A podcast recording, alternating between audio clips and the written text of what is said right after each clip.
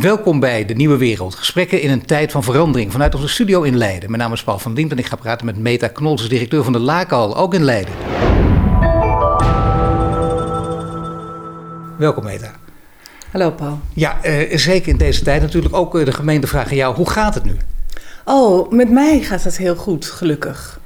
Uh, dus hoe wijder je de cirkels daaromheen trekt, hoe slechter het gaat eigenlijk. Zo, zo. Oh, dus wat jou betreft kan de crisis niet lang genoeg nou, duren? nee, nee, nee. Oh, nee het is meer dat, ik niet, dat, ik, dat het met mij persoonlijk goed gaat. Met mijn gezin, ik ben gezond, ik prijs mij ja. daarin gelukkig. Ik heb ook een hele fijne plek om te zijn, om te wonen.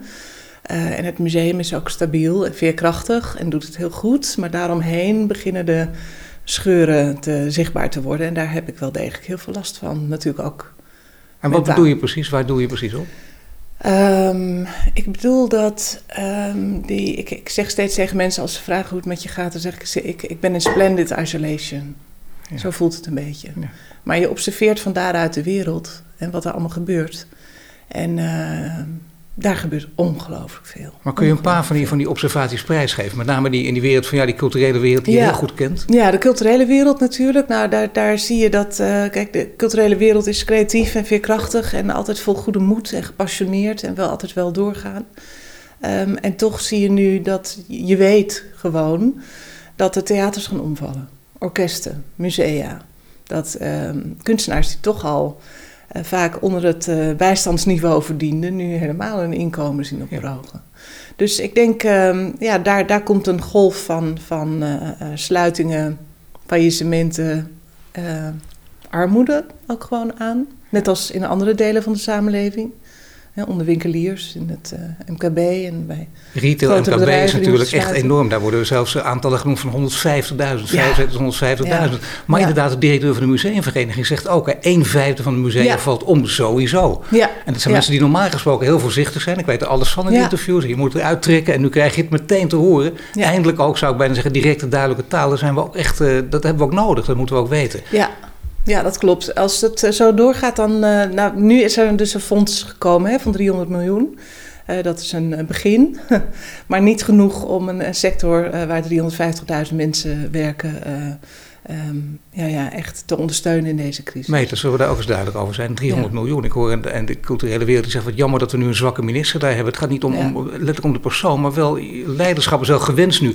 Die ja. dat gewoon niet voor elkaar krijgt. Het is een schijntje, daar heb je niets aan. Ja, nee, dat is, dit is een, een kabinet wat, wat natuurlijk toch heel duidelijk ook in deze crisis, ondanks dat ze gedwongen worden om nu linkse maatregelen te nemen, een heel duidelijk rechtse signatuur heeft. En we hebben een decennium tenminste achter de rug waarin de cultuur uh, nou, toch, toch keer op keer um, is, is weggezet, geslagen is als het ware met bezuinigingen en met, met toch ook het oordeel dat het niet gedragen hoeft te worden door de overheid. En wat je nu ziet is dat juist die, die uh, cultuurdragers in de sector zelf, die daar met goede moed uh, en heel ondernemend een, een, verandering wisten te bewerkstelligen, dat die nu het uh, meest gewond uit deze crisis komen. En dat zijn de culturele ondernemers. Ja, het is interessant dat je zegt links-rechts. Ik heb dat, dat verschil eigenlijk proberen altijd een beetje te vermijden. Dat ja. doet wat mij betreft ja. niet zo gek van toe. Ik bedoel, cultureel ondernemerschap is natuurlijk, ja. dat was ook wel hard nodig een tijdje terug. Hè? Bedoel, toen was het ook, kijk, alle clichés over subsidieverslaafd en zo. Laten we die even los, want dat is makkelijk voor de discussie. Maar er zat natuurlijk wel wat in. Er moest wel wat gebeuren. Er is ook van alles gebeurd. En dan krijg je dit. Er is heel veel gebeurd. Um, en, maar wat er, wat, uh, ik vind het toch belangrijk om ook te zeggen dat um, cultuur is iets wat, wat het is een soort, ik, voor mij is het een wezenlijke waarde. Het is in echt een vorm van beschaving. Het, het is een fundament van onze, van onze samenleving. Het geeft aan uh, hoe je naar dingen kijkt. Uh, het geeft aan hoe open je bent. Het geeft aan hoe verbonden je je voelt uh, met de samenleving. En op het moment dat je, dat je aangeeft dat dat, dat, dat niet, dat, dat, dat, dat je dat als overheid niet echt hoeft te dragen of hoeft uit te dragen, zoals bijvoorbeeld wel in Duitsland gebeurt, dan verlies je heel erg veel. En, op, en als het dan bekrachtigd wordt door Wilders, Baudet, et cetera, nou ja, dat is gewoon, dat, dat, dat heb ik wel heel erg gevonden om te zien. En waarom is dat nu relevant? Maar mag ik toch zeggen, even, sorry, maar Baudet ja, houdt volgens mij ook uh, heel veel van kunst. Hoor. Is gek op literatuur. Dus, ja, een bepaald uh, soort kunst. nou ja, ja. maar hoezo? Kunst is toch... Nee, maar wacht even. Ja, dat vind ik ja, interessant. Dus zullen we het daar ook nog over gaan hebben dan? Maar hoe kun, dat, je, je hebt, heb je goede en slechte kunst? Nou, um, ik denk dat onderdeel van onze, uh, ons kunstbegrip, zeg maar, ons westers kunstbegrip, is dat daar openheid in moet zitten. Uh, innovatie, tolerantie. Um, ik zeg heel vaak als mensen vragen, nou, waarom is dat dan? Waarom is dat belangrijk? Ik zeg, kunstenaars laten je met andere ogen naar de werkelijkheid kijken. Ja, maar het mag ook schuren juist. Het mag je juist verkeerde been zetten. Dat is chockeren. Dat is ook geweldig. dat hoort natuurlijk ook bij. Dat is ook kunst. Maar, maar, ik vind wel dat het belangrijk is om juist die openheid te, um, te verdedigen. Uh, en dat niet in een soort gesloten domein te plaatsen van dit mag wel en dat mag niet. Nou, wat mij altijd, dat, ik snap wat je bedoelt. Maar wat, wat mij vooral opvalt is dat je, dat je, dat je kunstenaars inderdaad niet apart moet zetten. Dus iets leuks erbij. Dat, is, dat, is, dat is het grote misverstand. Ik zie, maar ik zie juist eerder gezegd, uh, uh, laten we zeggen, slimme bestuurders, uh, slimme ondernemers, die bijvoorbeeld in, in de boord, gewoon als het om grote beslissingen gaat, daar gewoon kunstenaars bijzetten.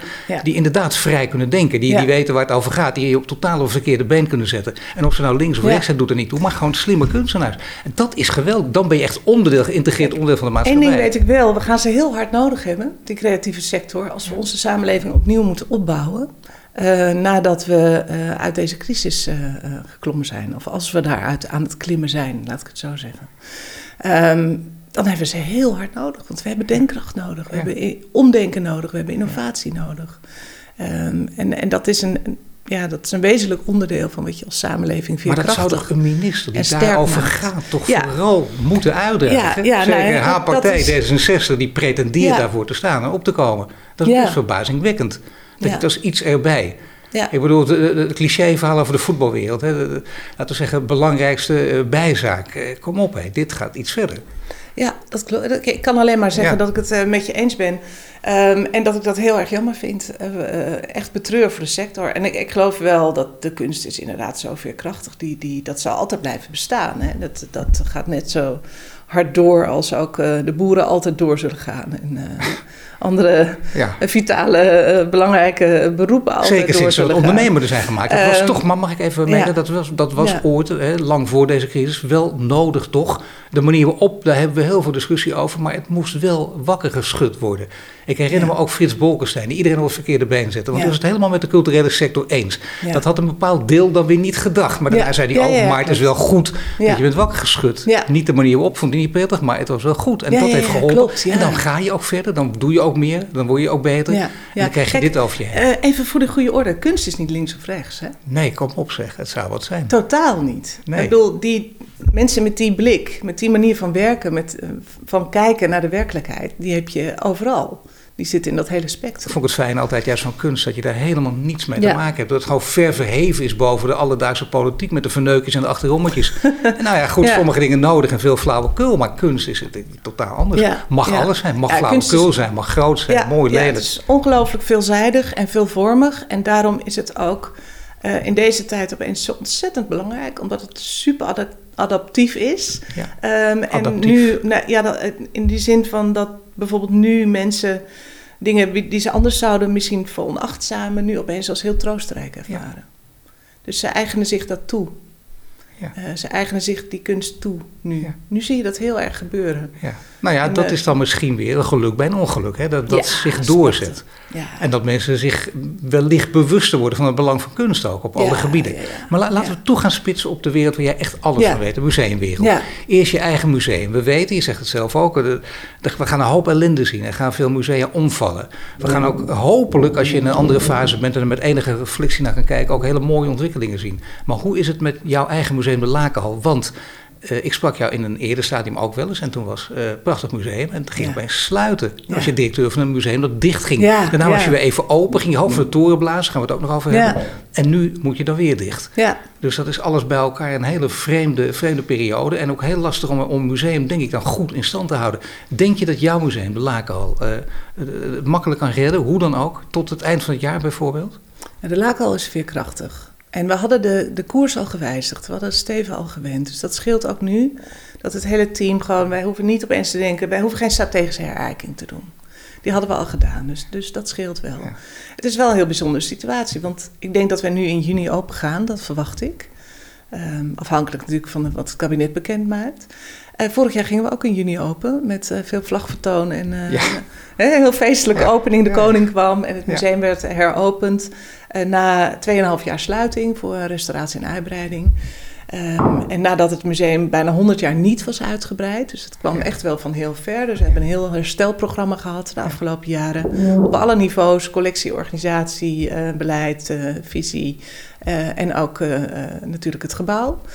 En dat is heel mooi bezegeld met die opening. En dan hebben we een ontzettend goed half jaar gedraaid en daarna gingen we weer dicht. Ja. Dat is best wel gek. Ja, dat is heel goed, ik, wij weten allemaal wat het is om een dicht museum te hebben. Dus dat, dat scheelt misschien iets.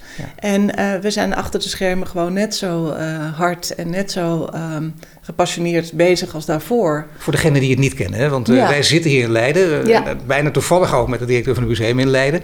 Maar wat, wat voor museum is het? Het is een stadsmuseum, maar als je het iets breder moet omschrijven. Museum Lakal is een stadsmuseum, dus van de stad Leiden. Leiden heeft heel veel musea, waaronder ook grote rijksmusea, zoals Naturaal is en oudheden, volkenkunde. De Lakel is echt het museum van de stad. Met daarin de kunst, kunstnijverheid en geschiedenis van Leiden. Dus wij zeggen dat wij mensen in ons museum met andere ogen naar het Leidse verleden willen laten kijken. Uh, het museum bestaat al sinds 1874 en het is gevestigd in een 17e eeuws gebouw. Ja. En het mooie van Leiden is dat je eigenlijk ziet dat in de 16e eeuw tijdens de beeldenstorm al begonnen werd met verzamelen in het Leidse stadhuis en in de huizen van burgers in de stad. In de 19e eeuw werd dat dan ondergebracht in het museum. En uh, ja, die, die restauratie en uitbreiding is erg goed gegaan, want we hebben heel veel mooie prijzen voor gewonnen en het is ontzettend mooi geworden. Zeker. Nee, dat, ik ben er geweest, ik weet het, een prachtig museum. Maar uh, doodzonde ook weer dat het dicht is. En het gaat hopelijk open. Je zegt redelijk snel al. Hè? Het kan al in juni open gaan. Daar zijn allemaal protocollen voor. Mensen hadden gehoopt, heb je ook weer een minister, dat hij iets sterker was geweest. In dit geval Wiebes, mevrouw Keizer erbij. Druk even door. Want met goede protocollen, die heb je niet voor niets gemaakt. En ik denk ook met mijn lege ogen, een museum, dat moet dat regelen zijn. Er zijn nog grote musea die gewoon werken met, met, uh, met tijdslots. En waar je gewoon gecontroleerd in en uit kunt. Stel, stel, zou jij nu, met het protocol dat jullie hebben, zou je uh, morgen open kunnen? Ja. En dan moeten we even zeggen, wat voor dag is het vandaag? Het is vandaag uh, vrijdag.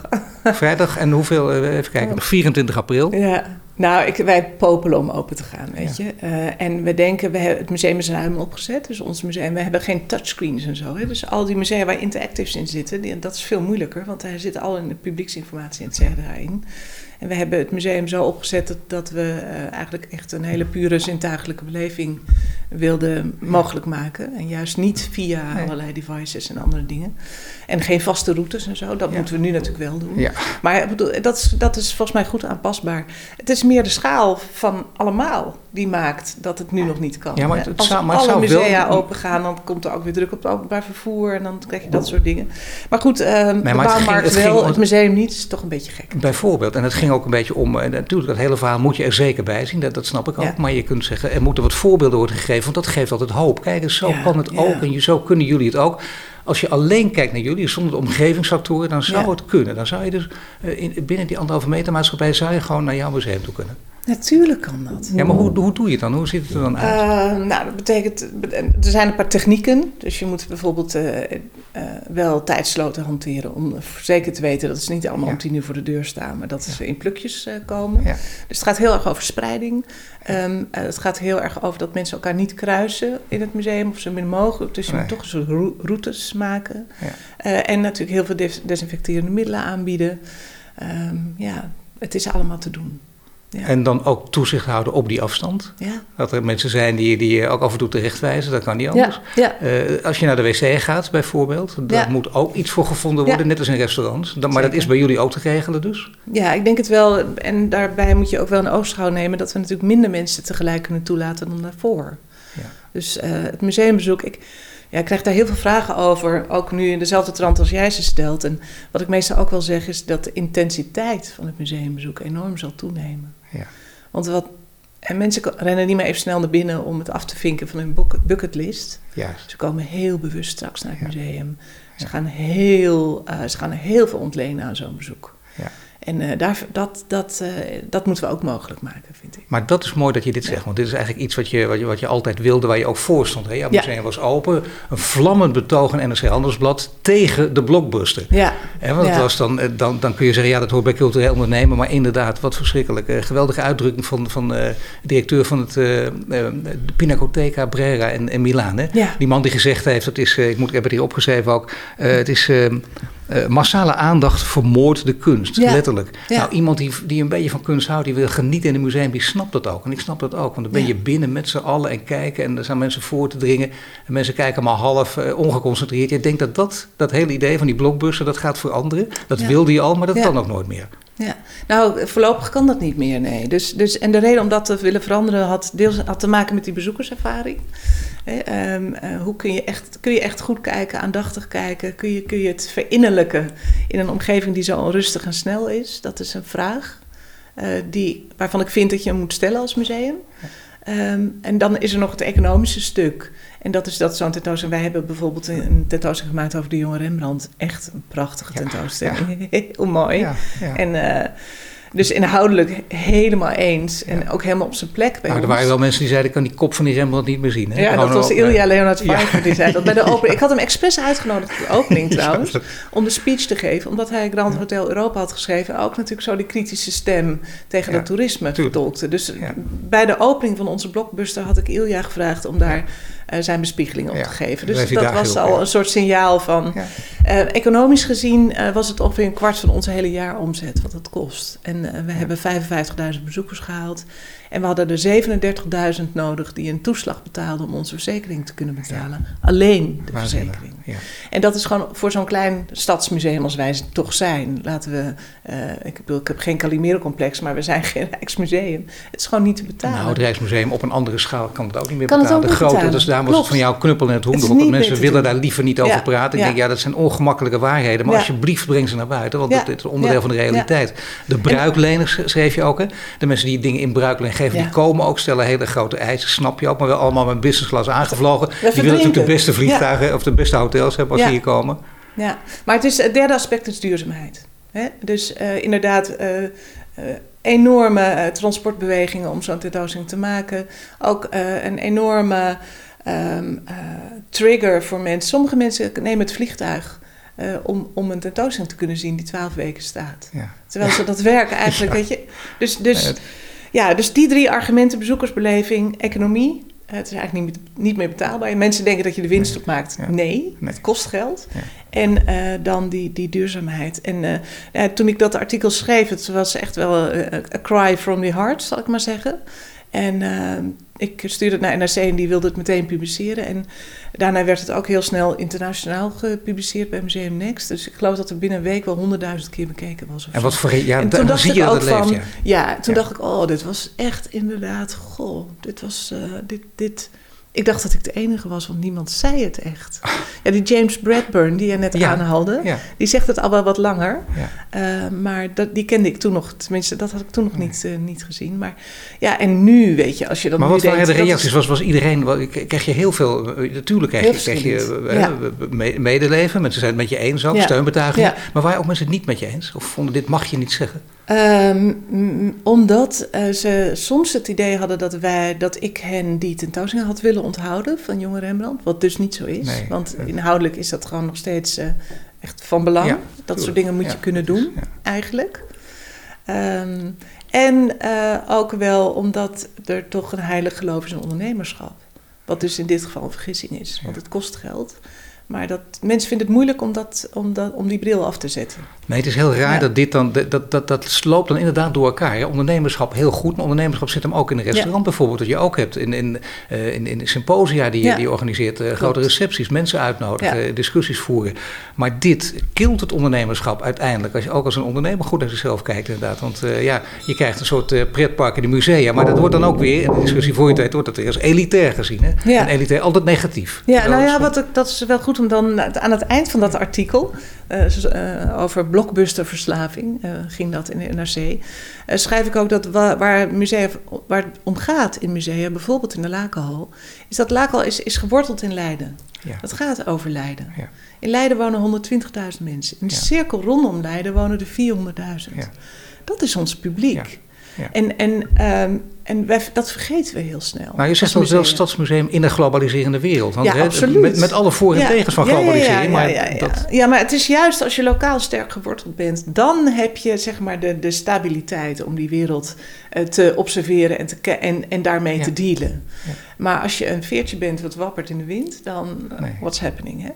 En, en musea zijn toch, die, hebben, die beheren het materiële geheugen van landen, van, van steden. Van, uh, en en, en uh, daarin is de collectie ongelooflijk belangrijk. Want daar zit dat in. Dat is zeg maar je alfabet. Dus ik zeg ook wel eens, de, de collectie is een alfabet. En daar, daar wil je eigenlijk een boek mee schrijven. Ja. Maar als je vergeet dat er letters en woorden bestaan, zeg maar, dan kun je dat boek niet schrijven. Dus je hebt die collectie als museum nodig om dat verhaal te kunnen vertellen en te kunnen delen met je publiek. En ik geloof heel erg in de kracht van lokaliteit. Uh, dus wij hadden voor de, voordat het museum dichtging, hadden we ongeveer 55.000 bezoekers per jaar. En daarvan was 30% lokaal-regionaal. En dat vonden wij veel te weinig. Ja. Dat vonden wij echt te weinig. Na de heropening was het 70% Kijk. En toen we de Jonge Rembrandt hadden, was het nog steeds 50% En dat vind ik, dat is voor mij dan heel hoopvol. Want dan denk ik, kijk, zie je, het kan wel. En het is ook, uh, als je niet als je niet met mensen spreekt, als je ze niet aanspreekt, waarom verwacht je dan dat ze komen, dat ze jou, dat ze een antwoord hebben? Dus uh, je moet ook, denk ik, je heel duidelijk maken uh, voor welk publiek je er bent. En daar hebben veel musea hebben het regionale publiek een beetje vergeten. Ja. En zijn heel erg gaan over ja. uh, raten, zeg maar, naar nationaal en internationaal publiek. En dat, dat is voor mij ook heel belangrijk geweest om die lokale betekenis, die lokale verbinding weer terug te vinden. dat is heel goed, heel goed. Ook dat zou ik, uh, maar dat hangt van de definitie af, ook als, als onderdeel van ondernemerschap juist zien. Omdat je een ondernemerschap en, en marketingmiddelen inzet om te zorgen dat het hier om gaat nog een interessant aspect over die, uh, die blockbusters. En dat je daarvan afviel. Die bruikleners, hè, die dus business class vliegen, die, eh, die uh, de duurste hotels willen, noem maar op. Dat, dat, daar zit een hoop geld in. Uh, is een Rafael tentoonstelling in Rome. Die gaat niet door, om bekende omstandigheden. Daar heb je ook daarmee te maken. Hetzelfde als jij, maar dan op heel grote schaal. er komen ook bedragen naar buiten. Ik dacht dat ik zat opgeschreven, maar ik heb ze niet paraat. Maar nog veel, veel meer en veel groter. En dan gaat het ook weer over verzekeringsgelden. Enorm veel geld, die verzekeringswereld. nou, dat is een wereld. Dus dan zijn er gerechtvaardigde vragen als: uh, hoe zit het in deze tijd? Uh, kun je met die bruikleners een deal sluiten? Kun je met verzekeringen een deal sluiten? En daar wordt dan uh, weinig over gezegd. Hoe, hoe ja, zit dat precies? Ja, nou ja, weet je, deals sluiten doe je de hele dag als je zo'n tentoonstelling maakt. Ja. en daar begin je soms al vijf jaar van tevoren mee. Som, ik denk met zo'n Rafael tentoonstelling zelfs eerder. En dat zijn echt onderhandelingen. Uh, voor wat hoort wat. Er zit ook wel gunfactor, collegiale gunfactor, maar het is vaak ook als jij die Rembrandt krijgt, krijgen wij die bruikleen uh, of uh, van die Rafael, et cetera. Dus dat zijn hele, hele langdurige processen. Ook, ja. daar, je moet je voorstellen dat in zo'n museumteam, dat gaat ongelooflijk veel tijd, aandacht, energie ja. en geld ja, in dat soort tentoonstellingen zitten. Um, en het is, wel, het is wel dolgedraaid natuurlijk. En um, de, de, nu, nu verschijnen opeens allerlei artikelen, dat vind ik dan heel interessant om te zien, waarin staat: ja, de cultuur is eigenlijk een soort luxe-industrie geworden. Ja, dat klopt. Ja. Maar waarom hebben we dat niet gezegd voor de coronacrisis uitbrak? Ja. Weet je, uh, dus nu vallen de schellen ons van de ogen. Ja. En opeens is de werkelijkheid veranderd. En opeens lijkt het heel gek dat een topman van KLM Air France 3,7 miljoen euro verdient in één jaar. Terwijl zijn gemiddelde personeel, geloof 63.000 euro verdient. En daarvoor was dat en, gewoon niet en, over nadenken. Drie maanden geleden was dat vrije markt is. All in the game. Ja.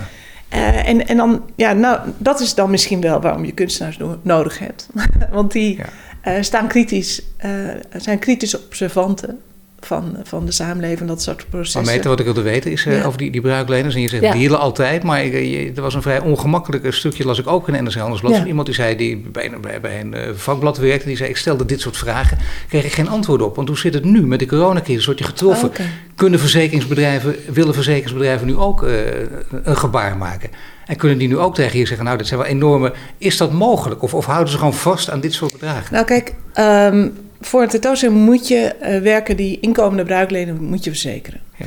En die verzekeringssector, daar, daar, daar is eigenlijk één hele grote partij die zeg maar 70, 80 procent van die verzekeringen uh, op zich neemt. Ja, een heel groot belang dus, die partij. Heel groot belang, ja. In Engeland is het zo dat uh, bijvoorbeeld de Jonge Rembrandt tentoonstelling deden we samen met het Ashmolean Museum in Oxford. Zij hadden die tentoonstelling ja. ook. De Engelse staat stelt zich garant. Het kost het Ashmolean Museum dus bijna niets. de post verzekeringen op hun begroting is heel klein. Ja. Hè? En bij ons was die een kwart van de begroting. Ja. Een begroting van 1,2 miljoen. Ehm, en dat is geld, dat, dat stort je gewoon op, op de rekening van de verzekeringsmaatschappij. En ja. poef, weg. Ja. Terwijl maar nu, het niet maar hoeft. Nu, maar nu in deze, corona, nu in deze coronatijden, kun je nou dan, kunnen jullie bijvoorbeeld ook, met, uh, met, als, als je die verzekeringen zou hebben, en uh, kun, je, kun je daar nu dan een, een, deel van afhalen? Zijn, zijn die verzekeringspartijen nee. genegen om dat te doen? Nou, niet dat ik weet. Daar heb ik niets over gehoord. Ik heb het ze ook niet gevraagd, moet ik erbij zeggen. Wat wel zo is, dat ik denk dat er wordt nu allerlei maatregelen, opschorting van huur, en net zoals voor ondernemers, ook voor de culturele sector, wordt daarover nagedacht. En ik denk, en dat heb ik ook al laten weten aan Mirjam Mol van de Museumvereniging, dat het ook best goed zou zijn om dit punt gewoon aan het lijstje toe te voegen. Ja, tuurlijk. Een garantie van de staat op inkomende bruiklenen voor tentoonstellingen. Ja. Want uh, dat zal de sector financieel enorm verlichten en maakt ook financiële middelen vrij om ook deze anders, maar crisis anders, weer anders aankijken naar deze verzekeringspartijen. Ja. Want dat is dus een heel machtig blok die daar gewoon garen bij spinnen, die dat graag in stand houden. Dat begrijp je ook en zo. Die willen daar niet over praten om die reden. Als je daar zelf bij hoort, dan snap je nog wel een beetje. Maar je Klopt. denkt toch al, ja, deze tijd, kom op zeg. Ja, en, en weet je, een beetje boerenverstand daar tegenover. In de museale sector wordt zo zorgvuldig met dingen omgegaan. Er gebeurt dus bijna nooit wat. Dus zo'n verzekering hoeft ook bijna nooit uit te keren. En, en als het. Kijk, en, en verzekeren voor verlies is eigenlijk onzin, want die werken zijn helemaal niet vervangen. Maar we leven nu bijna in een tijd waarin steeds meer risico's worden gemeden. Maar je ja. zou zeggen, neem hier eens een af en toe ja. iets groter risicootje. of zorg dat de verzekeringen gewoon, uh, dat die bedragen niet zo hoog hoeven te zijn. Zou daar ook nog over te praten vallen of niet? Nou, natuurlijk, Paul. Want, want kijk, in die dolgedraaide samenleving die, die wij in mijn beleving toch, toch uh, hadden, ja. Um, werd, was ook de kunstmarkt natuurlijk een factor van betekenis. En verzekerde waarde is altijd anders dan de uh, zeg maar taxatiewaarde op het moment dat je, dat je tot ja. verkoop overgaat. Maar dit, dat zijn wel communicerende vaten. Ja. Dus er zal nu een correctie komen in de kunstmarkt. Dat denk ik absoluut.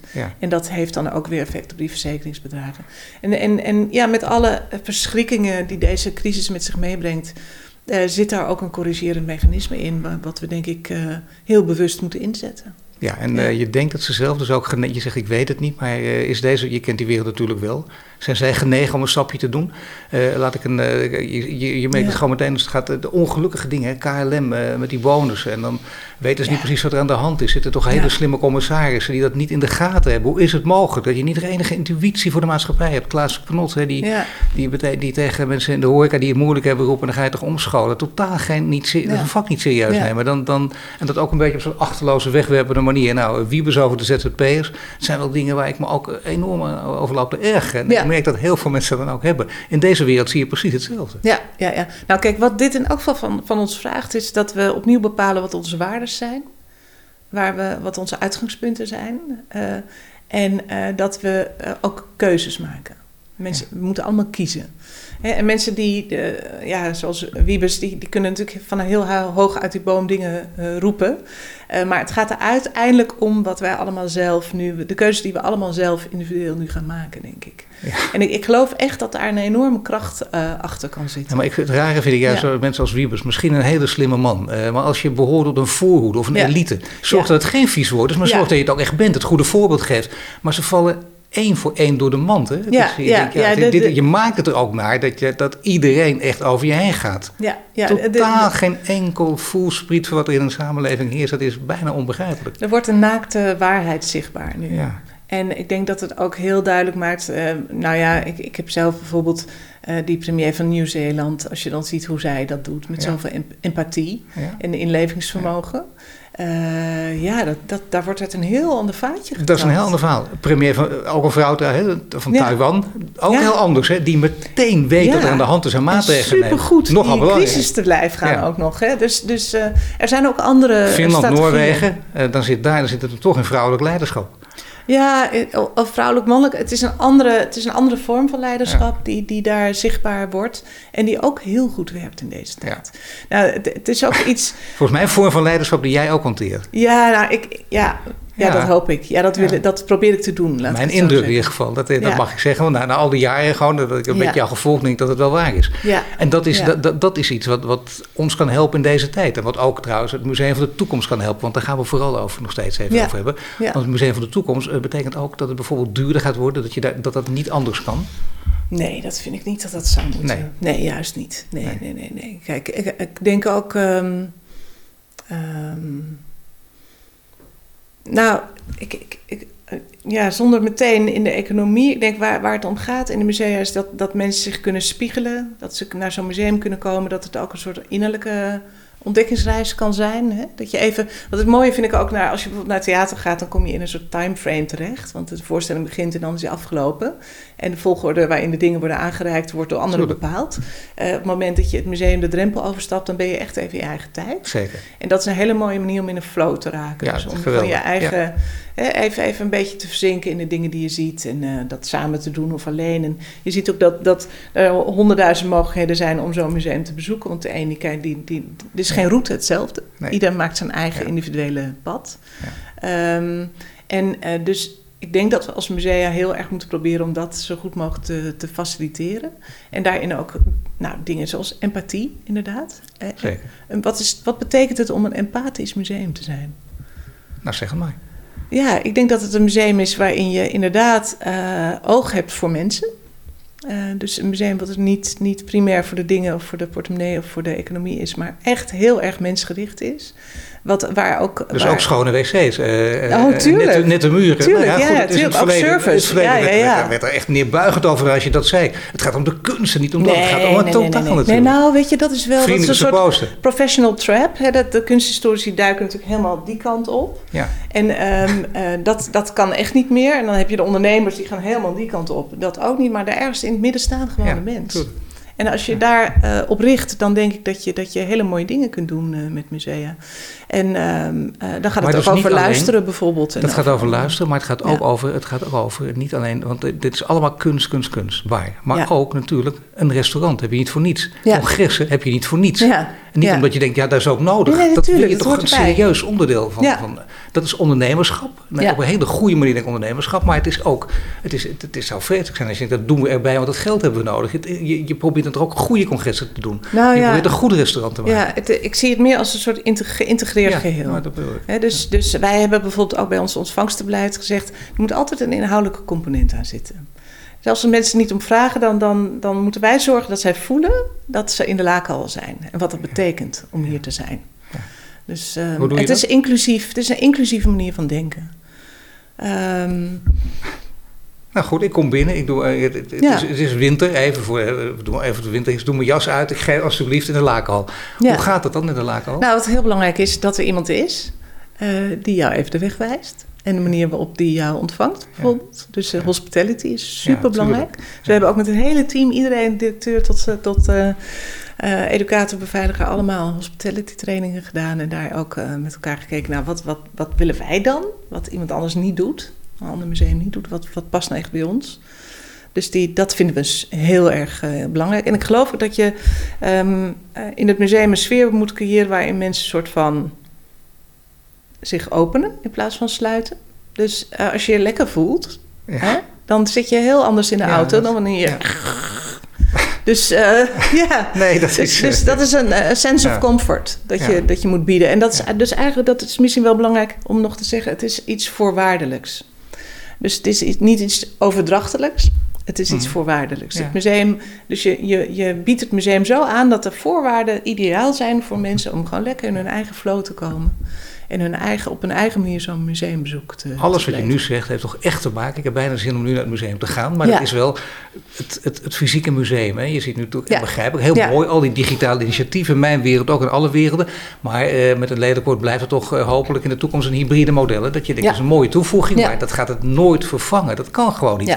Alleen eh, ja, het digitale kun je goed of slecht doen natuurlijk. Het digitale rondleidingen. Ik bedoel, met alle respect voor iemand die een goede rondleiding doet. Maar er is iets anders. Een goede presentator van digitaal programma. Kijk, het digitale kan het fysieke niet vervangen. Nee. Het zijn echt verschillende dingen. En ehm, wij zeggen in het museum, we hebben een, eh, een ecosysteem waarin dat digitale en dat fysieke museum met elkaar verbonden zijn. Um, het is een beetje ingewikkeld, daar zal ik het niet over uitweiden. Maar het komt er eigenlijk op neer dat dat fysieke museum is, is uh, zes dagen per week open. Straks weer van 10 tot 5. Ja. Dan kun je bezoeken. Uh, dat is ongeveer 3% van de collectie te zien. De rest zit in het depot, net als veel andere collecties. En uh, toch hebben wij als museumstaf zo ongeveer bepaald wat je daar kunt zien. En we proberen dat zo voorwaardelijk mogelijk te doen, zodat jouw bezoek zo persoonlijk mogelijk wordt. En dan heb je dat online museum, dat is 24/7 open, overal ter wereld. De hele collectie is online. Ja. Uh, dus dat is een reservoir waar je op een heel andere manier mee kunt werken. Maar het is natuurlijk wel belangrijk dat die twee in elkaar schakelen. Wat je nu ziet gebeuren, is dat musea op een soort van impuls springen om dat fysieke bezoek virtueel te maken. En voor mij werkt dat niet. Ehm, dus ik heb ook, we hebben ook met elkaar overlegd en gezegd: Nou, um, wat gaan wij nu doen? Gaan wij nu ook opeens hoe, al, al die hippe digi-dingen? Uh, en we dachten: Nou, nee, dat doen we niet. We zijn even dicht. We bereiden een paar mooie dingen voor die echt zin en betekenis hebben. Uh, ook in het online domein. En die, uh, die, die gaan we doen. En we hebben bijvoorbeeld een opdracht gegeven aan kunstenaarscollectief Roem in Leiden om voor ons, uh, in opdracht van ons, uh, de coronacrisis te volgen en in beeld te brengen. Ja. En die beelden geven we dan weer terug aan het publiek. En volgende week dan maken we bekend dat we een heel lesprogramma hebben ontwikkeld. voor mensen die thuisonderwijs moeten geven, maar ook voor scholen, wat we ook tot in lengte van jaren kunnen, kunnen gebruiken. Dus uh, zeg maar liever, ik, uh, wat ik heel mooi vond, ik was in... Geen paniek in, voor Baba duurzaamheid. Nee, nee, nee. Uh, do things do better um, and for longer. Ja. Dus dingen beter doen. Minder dingen doen, ze beter doen en ze langer doen. Ja. ja. Maar je wilde zeggen, ik was? Oh ja, ik was in Zwitserland en daar was Jessica Morgan van Dia Art Foundation. Die zei dat. Do less, do it longer. Ja. And do it better. En dat vond ik heel mooi. ja. En geen hippe digi-dingetjes, want een beetje, een beetje mooie rondleiding af en toe. Goed ja, gepresenteerd kan natuurlijk ook geen kwaad. Dat, dat zijn wel. nee, maar in de veelheid van wat er is. Dus ik kijk dan, wat is er allemaal? En denk, oh, dan kunnen wij hetzelfde doen als al die andere dingen. Of we kunnen proberen iets anders te doen. Ik denk dan, laten we iets anders doen. Oké, okay, Meta. Jullie gaan uh, normaal gesproken uh, in juni open, dat hoop je. Maar bedoel, je bent ook, uh, je zit in de lobbycircuit, je kent iedereen, of mensen doen het namens jou. Je weet ongeveer wat er gaat gebeuren. Denk je dat dat wel de boodschap gaat worden, ook van het kabinet, dat het bijna niet anders kan? Dat er ja, in een paar musea zijn, ja. die kunnen die aan de protocollen van in, in juni gaan ze weer mondjesmaat open. Ja, 13 mei is er weer een persconferentie. en dan het zou kunnen dat dan al 20 mei dingen mogen.